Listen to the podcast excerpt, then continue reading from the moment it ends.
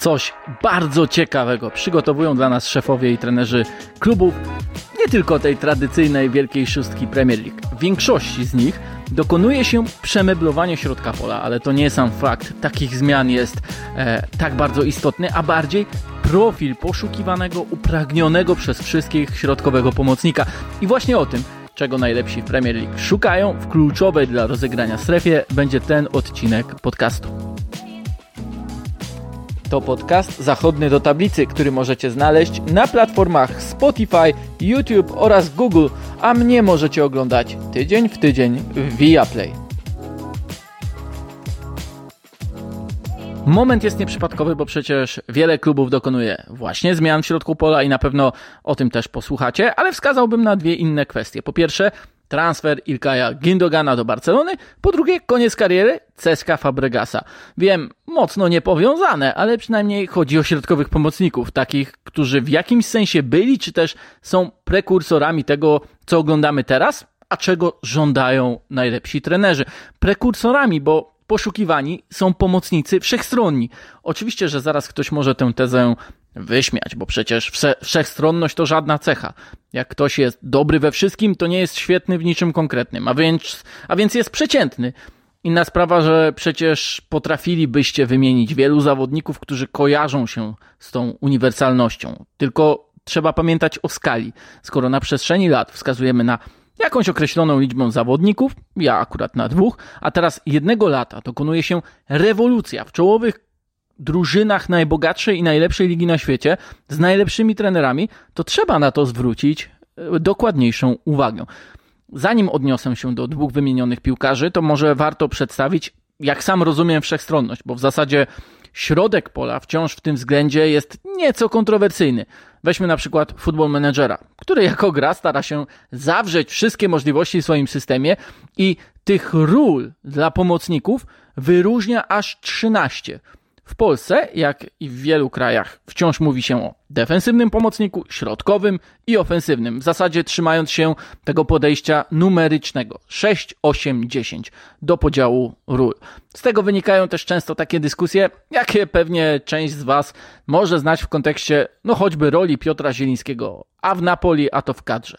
Do tego w Polsce można czasem usłyszeć o pomocniku zadaniowcu, który ma robić jedną rzecz przez cały mecz Najczęściej być plastrem, jak dawniej.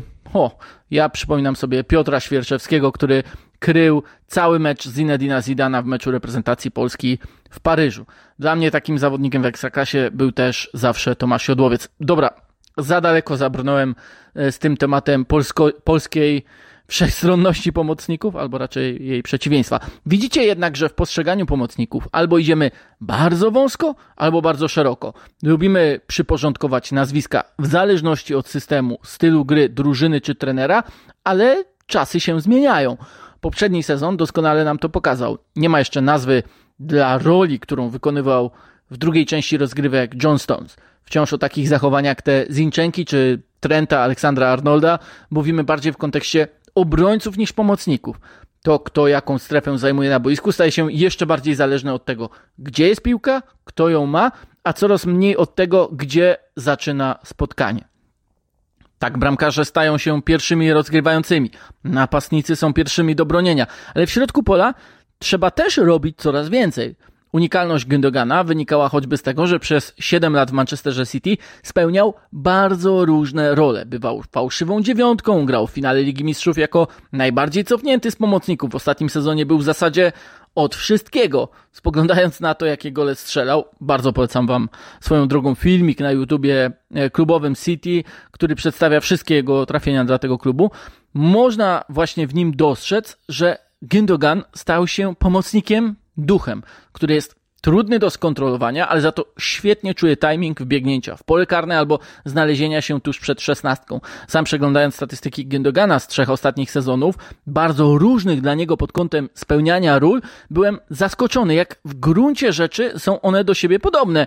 Niezależnie od tego, co przypisywał mu Guardiola, on utrzymywał pewien standard bardzo wysoki zresztą. Przypomniały mi się też słowa mm, Franka Debura, z którym rozmawiałem w temacie guardiolizacji Premier League, czyli dokumentu zrealizowanego dla Viaplay. Wciąż możecie go tam obejrzeć i bardzo e, Was do tego zachęcam. Wiem, że ten temat może się już powtarzać w moich odcinkach, ale akurat w przypadku rewolucji w środku pola większości klubów jest to nadal interesujące. E, no to posłuchajmy holenderskiego trenera, eksperta.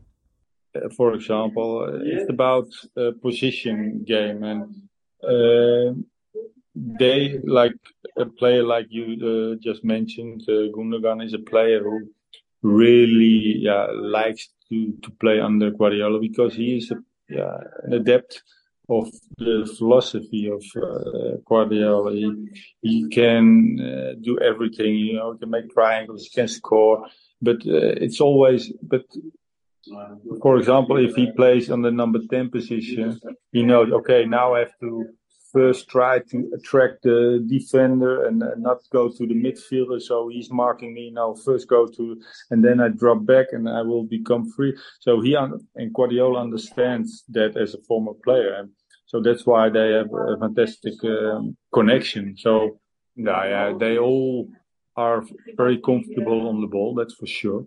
And I think they you can give them two or three tasks in, in one game. I think that's the most important thing. That you can give a player one or two or three tasks in the game. And so if he has to change something, uh, he has to only snap with his finger and he understands, okay, we're going to do it this way. And sometimes you have players, I had it myself and as a coach, that already one task was maybe uh, too much. You don't you just have to let him play football. And I think he always wants players to think about, you know, about uh, the strategy and everything. And Coś staje się jasne. Im bardziej skomplikowana jest strategia gry, tym bardziej inteligentnych zawodników potrzebują trenerzy.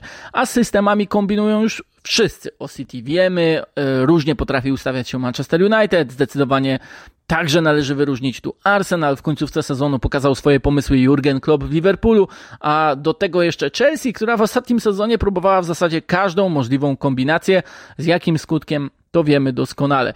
Może warto rozbić zespół e, po zespole te rewolucje w środku pola. Skoro wspomniałem o City, to odejście Gendogana wymusza pewną reakcję. Pewnie pamiętacie, że Guardiola zapowiadał zmieszczenie na boisku jednocześnie Erlinga Halanda, Kevina De Bruyne oraz Juliana Alvareza, ale może to oznaczać cofnięcie zwłaszcza Belga. Jednak wobec sprowadzenia Mateo Kowacicia i oczekiwanego rozwoju Calvina Phillipsa można też spodziewać się innych rozwiązań. Zresztą Chorwat po tym jak wykupiono go z Chelsea był określony przez dyrektora sportowego Begiri Steina jako zawodnik, który rozumie plany taktyczne i wymagania techniczne, techniczne całej ligi, ale jego zdaniem może też spełniać dwie różne role, szóstki i ósemki. Więc przy transferze Kowacicia to uniwersalność odgrywała taką pierwszoplanową rolę. Niezależnie od tego, czy się zgadzamy z tymi obserwacjami odnośnie gry Kowacicia na szóstce, ósemce, czy nie. City składało też oczywiście ofertę za Declana Rice'a, który ostatecznie trafi do Arsenalu. To tam odbywa się też więcej niż subtelna zmiana, bo przecież odchodzi granit Czaka, możliwe jest też odejście Tomasa Parteja.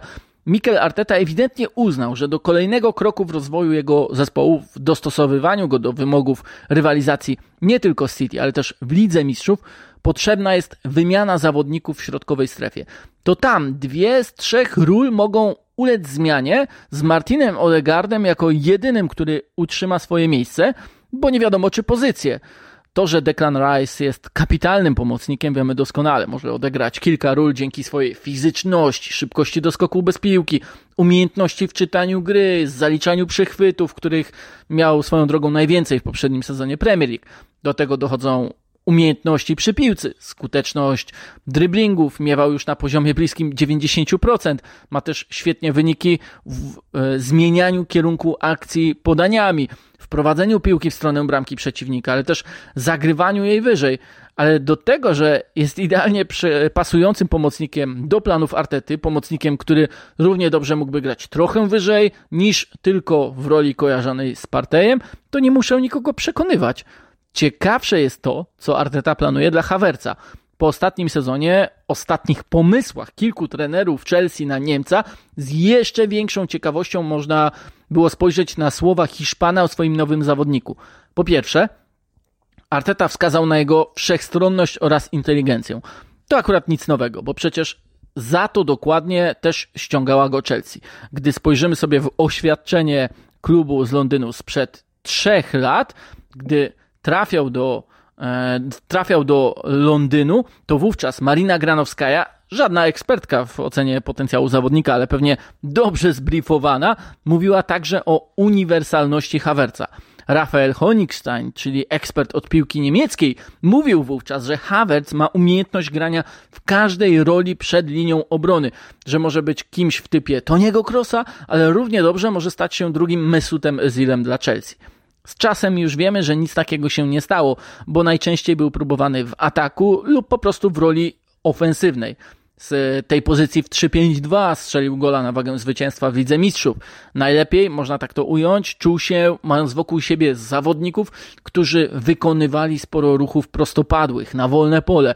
On mógł im piłkę zgrywać, oni tworzyli mu też przestrzeń między liniami, czasem też pokazywał Havertz swój timing wejścia w drugie tempo w pole karne. Zupełnie jak w przypadku e, Gindogana, choć oczywiście nie tak często jak jego kolega z reprezentacji Niemiec grający w City. E, tak zresztą Havertz strzelił swojego pierwszego hat-tricka w barwach Chelsea, kapitalnie współpracując z Tamim Abrahamem, który skupiał na sobie uwagę rywali. Im częściej Havertz stawał się jednak tym zawodnikiem, który miał robić to jako najbardziej wysunięty w drużynie piłkarz, czyli skupiać uwagę na sobie, tym szło mu gorzej. Im więcej pojedynków fizycznych go czekało w meczu, tym mniej miał komfortowego operowania piłką. W ostatnim sezonie w Chelsea e, w lidze dorzucił tylko jedną asystę, choć zagrał niemal tyle kluczowych podań, ile w dwóch pierwszych latach razem wziętych. Gdyby dorównał swoim wynikom goli oczekiwanych oraz asyst oczekiwanych, miałby swój najlepszy indywidualnie sezon w karierze, ale nie miał, bo futbol to też gra bazująca na pewności siebie. Havertz więc oddawał strzały, miał i stwarzał sytuację, ale nie czuł się ani komfortowo, ani pewnie wobec, wobec zmieniających się trenerów, kolegów wokół, warunków i nawet celów zespołowych. Koniec końców nic dziwnego, że chciał z Chelsea odejść. Tu dochodzi punkt drugi. Arteta już w drugim zdaniu krótkiej, powitalnej wypowiedzi podkreślił, że Havertz wniesie wiele do gry drugiej linii jego drużyny. Będzie więc pomocnikiem. Hiszpan może mieć rację, bo przecież atak Arsenalu nie był jego problemem. Chociaż ich wynik goli oczekiwanych był dopiero piątym najwyższym, to o jakości piłkarzy, którymi dysponował, może świadczyć to, że wynik bramkowy był najbardziej w Premier League na ich korzyść w porównaniu do goli oczekiwanych. Mógł Arteta uznać, że nie skuteczność, a kreatywność można nawet podnieść. I stąd Kai Havertz, który w opinii większości ma wejść w rolę Granita Xhaki. Ma to o tyle sens, że Niemca do zejścia formację niżej nie trzeba będzie przekonywać. Bardziej naturalnie odnajdzie się w tej roli niż Szwajcar, który sam mówił, że Hiszpan był pierwszym, który do tego go namówił. A i Havertz jest bardziej wszechstronny w ofensywie. Od niego będzie mógł Arteta wymagać więcej niż od Szwajcara, który każde oczekiwania oczywiście przebił. Jednak kolejne oczekiwanie, że znów to zrobi, mogłoby być już wobec tak dojrzałego, ukształtowanego już zawodnika nierealistyczne. Inna sprawa, że rywali, rywale też uczyli się Arsenalu, dostrzegali wszystko to, czym zagraża im w nowej roli e, Czaka. Z czasem Zaczęły więc spadać jego liczby kontaktu z piłką w polu karnym przeciwnika, e, liczba zagrań progresywnych czy w strefę ataku.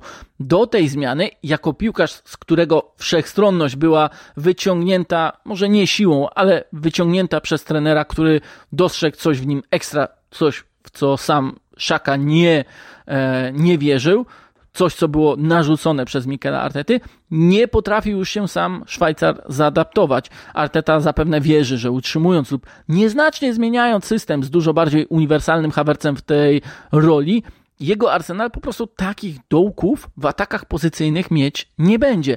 I ten transfer, podobnie jak Declana Rice'a, ma sens. Generalnie patrząc na to, jak w ostatnich okienkach transferowych operuje Arsenal, możemy powiedzieć, że ich działania mają sens. Tu nie chodzi o skuteczność, po prostu chodzi o to, poczucie dopasowania konkretnego zawodnika do zespołu, do roli. Zimowe poszerzenie składu bez naruszenia hierarchii drużyny, której po prostu szło, też miało sens. Jorginho jako mądra opcja, bo to mądry piłkarz zastępstwa Zaparteja składała się w całość. Nie dokonuje się kolejnej rewolucji w składzie w środku zaskakującego, do, dobrego e, sezonu, ale Arteta jest na tyle mądry, by wiedzieć, że tego kolejnego kroku Arsenal i tak potrzebował. Wskazał na środek pola jako obszar wymagający największej korekty i tam jej dokonuje bardzo mądrze i punktowo. Liverpool teraz e, pora na drużynę Jurgena Kloppa. Można powiedzieć, że ten moment przegapił w porównaniu oczywiście do Arsenalu. Po tym poprzednim bardzo wyczerpującym sezonie, gdy zamiast zmieniać pomoc, e, zaczęto tak na dobrą sprawę jeszcze mocniej przemeblowywać atak. Możliwe, że Jurgen Klopp liczył na jeszcze jeden bardzo dobry rok tego, co zafunkcjonowało e, składnie w okresie, gdy Fabinho, Thiago i Jordan Henderson funkcjonowali tak sprawnie, ale kontuzje, spadek dyspozycji wewnątrz tej formacji, wprowadzanie nowych młodych zawodników sprawiło, że gra Liverpoolu jako całości po prostu się rozchwiała. O tym zresztą e, już e, kilka odcinków mogliście posłuchać w trakcie poprzedniego sezonu. Stąd letni atak na wzmocnienie drugiej linii stawał się coraz bardziej oczywisty. Jeszcze wiosną podkreślał to zresztą sam Jurgen Klopp i wreszcie to się dokonało. Na samym finiszu zaczął wprowadzać do drugiej linii z bocznej obrony Aleksandra Arnolda, a teraz jeszcze dokłada Alexisa McAllistera oraz Dominika Soboslaja. Argentyńczyk dostał koszulkę z numerem 10 na Anfield, a Klopp powiedział o nim, że najbardziej oczywistymi atutami McAllistera, uwaga, jest to, że może grać na kilku pozycjach w środku pola. Jest wszechstronny, a w tym wszystkim spokojny i bardzo inteligentny. Znów pojawia się to słówko. Wszechstronność. Alexis zagra z dziesiątką, a ósemkę przejął Dominik Soboslaj. I tu o jego umiejętnościach i możliwościach, które są spore, opowie Tomek Urban, czyli najlepszy ekspert od Bundesligi, jakiego polska panditerka widziała. Ja tylko dodam od siebie, że w wywiadzie z oficjalną stroną Liverpoolu Soboslaj został zapytany o swoją ulubioną pozycję i powiedział, że nie ma to dla niego żadnego znaczenia, bo może grać jako jedna dziesiątka, jedna z dwóch dziesiątek, bliżej prawej lub lewej strony, nawet na skrzydle. Kolejny wszechstronny piłkarz. A teraz już posłuchajmy Tomka. Co Soboslaj może wnieść do gry Liverpoolu? No to, co wszyscy wiemy, czyli fantastyczne uderzenie z dystansu, świetnie bite stałe fragmenty gry, mm, ale też trzeba pamiętać, że to jest piłkarz wnoszący bardzo dużą dynamikę, bardzo energetyczny, widzący i kreujący dużo przestrzeni na boisku. Ja bym powiedział, że to jest piłkarz kompletny, ale do takiego najwyższego poziomu, do takiej najwyższej półki brakuje mu trochę regularności. Ten sezon naprawdę bardzo dobry, często przejmował odpowiedzialność na własne barki. Pod nieobecność w Lipsku Lajmera czy Nkunku, to właśnie na Soboslaju spoczywała odpowiedzialność za grę ofensywną e, Lipska e, i myślę, że bardzo dojrzał w tym sezonie. Natomiast no, rzeczywiście utrzymanie formy na odpowiednim poziomie e, jest dla niego czasem problemem. E, czasem ta jego forma jeszcze e, faluje. Jeśli chodzi o to pasowanie do Liverpoolu, uważam, że ten system Liverpoolu 4-3-3 idealnie pasuje pod Soboslaja, bo będzie miał do dyspozycji dwie pozycje w tym ustawieniu, czyli te dwie ósemki, czy to po lewej, czy po prawej stronie. Z racji fantastycznie ułożonej prawej stopy wydaje się, że takim naturalnym miejscem dla niego powinna być ta lewa strona z zejściem do środka i, i właśnie strzałem na bramkę ale w Lipsku znacznie częściej e, grał bliżej prawej strony, e, przy czym grał w nieco innym ustawieniu 4-2-2-2 za napastnikami, ale myślę, że ta jego pozycja jest bardzo zbliżona do ustawienia 4-3-3. To jest piłkarz, który, tak jak powiedziałem, bardzo dużo widzi, e, który mm, no, poprzez to, że razi uderzeniem z dystansu, ściąga na siebie mm, uwagę innych zawodników, przez co też może otwierać przestrzenie kolegom e, z drużyny. Mając przed sobą w takim ustawieniu trzech piłkarzy ofensywnych, myślę, że, że będzie w stanie wykorzystać swoje, swoje atuty, aczkolwiek nie jestem przekonany, że to jest piłkarz już z takiego absolutnego światowego topu. E, myślę, że w Liverpoolu też trzeba będzie trochę poczekać na to, aby zaadoptował się do nowych warunków. Natomiast jest to piłkarz o naprawdę ogromnym potencjale i nie można go redukować tylko i wyłącznie do tej jego e, świetnej pracy prawej stopy. On ma naprawdę znacznie więcej atutów i myślę, że ten ostatni sezon naprawdę bardzo mu pomógł, żeby, żeby wejść na wyższy poziom. pod nieobecność Nkunku przestał się chować po kątach, sam zaczął też wykorzystywać sytuację, zaczął być, tak jak mówię, liderem tej drużyny i wywiązywał się z tych zadań naprawdę bardzo dobrze. I od Liverpoolu można szybko przeskoczyć e, na Manchester United. W poprzednim sezonie druga linia była jednym z największych atutów Erika Tenhaga, to on ją uporządkował. Zwłaszcza imponowało to, jak nieprzewidywalna stała się ze względu na umiejętności zawodników. Tym największym zaskoczeniem na wyspach było to, jak wiele w rozegraniu zaoferował Casemiro którego postrzegano jako zawodnika niemal wyłącznie mającego skupić się na porządkowaniu spraw za plecami Christiana Eriksena oraz Bruno Fernandesza. Tymczasem Brazylijczyk okazał się pomocnikiem znacznie bardziej istotnym w tym, jak szybko i precyzyjnie United przenosili swoje ataki do przodu. Nie byli ekipą opierającą się na posiadaniu piłki, lecz szybkości i mądrości w tych momentach, gdy już ją mieli. Bruno Fernandes grywał w kilku rolach, nawet bywał e, fałszywą dziewiątką, prawoskrzydłowym, z Bayernu Monachium w trakcie sezonu nieprzypadkowo wypożyczono Marcela Zabicera, który również mógł spełniać różne role, często zastępując Eriksena, ale mając też momenty, w których był ustawiany wyżej. E, I oczywiście można by spojrzeć na to, kto był wykorzystywany w, rola, w rolach rezerwowych, a więc piłkarze znacznie bardziej, jeśli chodzi o umiejętności i role w środku pola zdefiniowania, a więc Scott McTominay oraz e, Fred, którzy, po których doskonale wiemy, czego się spodziewać, którzy rzadko potrafili zaskakiwać, choć oczywiście mieli też w tym Manchesterze United bardziej uporządkowanym swoje momenty.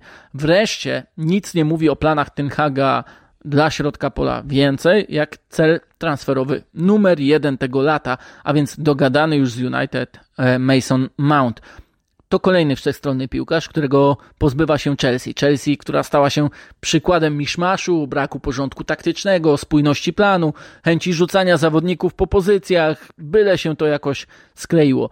Te, to też się oczywiście wraz z Mauricio Pochettino zmienia, ale o tym zaraz, bo wracając do Mounta. On stał się w ostatnim sezonie według mnie ofiarą dokładnie tych błędów kolejnych trenerów. Także zmęczenia wyniszczającymi ostatnimi dwoma sezonami i w konsekwencji tego kontuzjami. Ale to zawodnik, którego wszechstronność aż bije po oczach. Różne analizy określają go mianem zawodnika z półprzestrzeni, ale dzięki temu, że potrafi grać świetnie i lewą i prawą nogą, to odnajduje różne linie podań różnie może ustawiać się pod otrzymanie piłki do lewej czy do prawej nogi. Nie jest wobec tego ograniczony pozycją czy też przestrzenią boiska, może grać też głębiej, jak w ostatnim sezonie, co zresztą wpłynęło na jego statystyki ofensywne. E, analiza The Athletic pokazała, że różnorodność ról nie sprawiła, że zaburzona została gra Mounta, e, a raczej preferencja jego do tego, by szukać e, rozwiązań podaniami do przodu. W sezonie 2020-2021 należał do czołówki ligowej pod względem wykonywanych progresywnych podań. W kolejnych rozgrywkach był w topie ligi pod względem progresywnych podań otrzymanych. To też świadczy o wszechstronności zawodnika, ale generalnie we współczesnym futbolu ta umiejętność szukania gry do przodu u pomocnika jest niezwykle ważna. A o tym dlaczego? Niech powie ten, od którego ten podcast zacząłem, który ledwie zakończył karierę piłkarską, który, jak go nazwałem, był pewnego rodzaju prekursorem tej uniwersalności, bo z tego chyba go pamiętamy w karierze piłkarskiej, od fałszywej dziewiątki do bycia mm, cofniętym rozgrywającym. A więc Sesk Fabregas dla kanału Coaches Voice. Bardzo krótko o tym, E, jak uniwersalności uczył go Arsene Wenger. He always say, and when I have to coach kids now, I'm trying to say that the, the best attribute that a midfielder can have is to look forward. How are you going to accomplish that? You know, and this is where the task of the coach comes, you know, to teaching them how to put their posture, how to look two, three, four, five times. I think he always told me that the best top, top players uh, were looking before they received the ball about 15, 20 times because he was so obsessed that he studied always the top top players how many times they look and I think he came out with this uh, with this number that uh, he felt it was needed you know if you want to be a really really top player top midfield player and he worked on me a lot individually collectively and that's why I I always uh, I'm always so obsessed in looking forward. No i dobrze, skoro mamy United, to też na koniec e, krótko o Chelsea. Wiele świadczy o uniwersalności dostępnych pomocników. To, jak choćby Enzo Fernandeza określał Frank Lampard, mówiąc pod koniec sezonu, że nie widzi konkretnej przyszłości dla Argentyńczyka na szóstce, ósemce czy dziesiątce, takich e, określeń używał, bo e, Enzo może spełniać każdą z tych ról. I w zasadzie do tego też ograniczał się czasami problem z okiełznaniem Enzo w Chelsea, bo miał być niby tym grającym przed linią obrony. W rozegraniu chętnie spełniał to zadanie, ale im wyżej szła piłka, tym częściej on za nią podążał, a to zostawiało wolne przestrzenie, których inni nie potrafili tak skutecznie wypełniać. Nie było też takiego porządku taktycznego. Obrona się cofała, e, no i były ogromne połacie przestrzeni dla przeciwnika. Przy, przypomina mi się zwłaszcza pierwsza połowa na Emirates e, z Arsenalem jako taki idealny przykład tego, jak inteligentny pomocnik, a więc Martin Odegaard potrafił te przestrzenie między liniami wykorzystywać. No dobra, ale transfery. E, jeśli chodzi o Chelsea i zmiany w środku pola, bo te zmiany będą. Ściągany jest Moises Caicedo, ale on też nie jest szóstką. Raczej piłkarzem, który u Roberto De Cerbiego bywał nawet bocznym obrońcą. Potrafił e, rozgrywać bliżej bramki przeciwnika, ale też cofać się właśnie do defensywy. Przypomniały mi się słowa Włocha po wygranej z Manchesterem United na finiszu tego poprzedniego sezonu, gdy powiedział o Ekwadorczyku, że ten może grać absolutnie wszędzie. Mówiłem sporo o tradycyjnej czołowej szóstce, więc pewnie mógłbym jeszcze podpiąć pod tę uniwersalność transfer Jamesa Madisona do Tottenhamu, ale tak naprawdę chciałem powiedzieć więcej o Newcastle, który przecież zagra w Lidze Mistrzów. Tam Eddie Howe też dostrzegł, że najwięcej do poprawy jest w drugiej linii, gdzie często ciężar za grę spoczywający na Bruno Gimaraeszu był zbyt duży, co powodowało, że Newcastle stawało się zbyt czytelne. Z tego powodu ściągnięty został też z Milanu Sandro Tonali, a przecież Newcastle jeszcze rywalizowało o pomocników z innymi klubami czołówki. A o tym, co doda Włoch drużynie z północy, powie najprawdziwszy ekspert od Milanu i Serie A, a więc Rafał Stec z Gazety Wyborczej. Kibice Newcastle powinni y, przede wszystkim wiedzieć, że w Milanie stratę Sandro Tonalego się zwyczajnie opłakuje, że ten piłkarz związany zresztą emocjonalnie od dziecka z klubem uchodził tam za klejnot, za, za takiego piłkarza, wokół którego miała być budowana drużyna. E, na długie, długie lata. A o tym, jak jest wszechstronny, e, niech świadczy to, że witano go jako nowego Andrea Pirlo, e, czyli cofniętego rozgrywającego, a on sam przyznawał się wtedy do fascynacji Gennaro Gattuso, czyli zupełnie inny typ zawodnika, taki typowy defensywny zabijaka. Wziął zresztą nawet jego numer, ósemkę Tonali. Na boisku okazało się, że rzeczywiście bliżej mu do Gattuso, że to też taki E, kipiący energią wściekły pies, że potrafi kontrolować ogromne połacie boiska. Oczywiście w minionym sezonie pokonywał e, największe dystanse w drużynie w trakcie gry. No wydaje się stworzony do gry w destrukcji. Nie jest elegancki, on nigdy rywala nie mija, tylko się przez niego przedziera, ale na pewno nie jest tak ograniczony jak poprzednik, jak jego idol, jak Gattuso. Z każdym sezonem grał śmielej we Włoszech, coraz częściej decydował się na ofensywne podania, i chociaż wciąż, gdy próbuje pchać y, grę do przodu, mijać linię podaniami, moim zdaniem ma nieakceptowalny na najwyższym poziomie odsetek błędów i bywa niechlujny, to widać, że ma mnóstwo nieodkrytych możliwości. Y, rozwija się technicznie, bo zaczął bić stałe fragmenty gry. Y, liczbą asyst to chyba ustępuje tylko Leao w Milanie, tak? Ale też rozwija się jako osobowość. Właściwie gołym okiem było widać, E, jak z miesiąca na miesiąc rośnie, jak coraz chętniej bierze na siebie e, odpowiedzialność. Wątpliwość mam tylko jedną, czy jak szybko oswoi się z intensywnością Ligi Angielskiej, bo jednak w Serie A gra jest y, wyraźnie wolniejsza, powiedziałbym, że rozrzedzona, zresztą to było widać często w meczach e, Anglików z Włochami i nie odważyłbym się też zgadywać, jak on wyewoluuje. Moim zdaniem to zależy od pomysłu trenera, bo myślę, że Tonali ma potencjał y, tak szeroki, że można go wykorzystywać i rozwijać na bardzo różne sposoby. Tyle Rafał, a ja, jak już wspomniałem, e, chcę wrócić do tego tematu ogólnego wszechstronności, bo przecież stawianie na to w takiej skali jest trochę zaskoczeniem. To oczywiście również efekt tego, że w drugiej dekadzie XXI wieku szkolenie w Europie poszło właśnie w tym kierunku odchodząc od porządkowania zawodników do konkretnych ról. Ograniczanie ich sprawiałoby, że w dynamicznie zmieniającym się futbolu, przy rozwijających się wymaganiach taktycznych, byłoby szkodliwe dla samego piłkarza, ale też dla jego drużyny. Nie ma już miejsca na wyłącznie defensywnych pomocników, na, którzy rozgrywają głównie wstecz lub do boku, ale tak samo nie ma miejsca na typowe dziesiątki, które sobie dreptają między liniami i nie uczestniczą w jednej z czterech faz e, piłki, e, piłki nożnej m, ogólnie, czyli nie, nie uczestniczą na przykład e, w defensywie.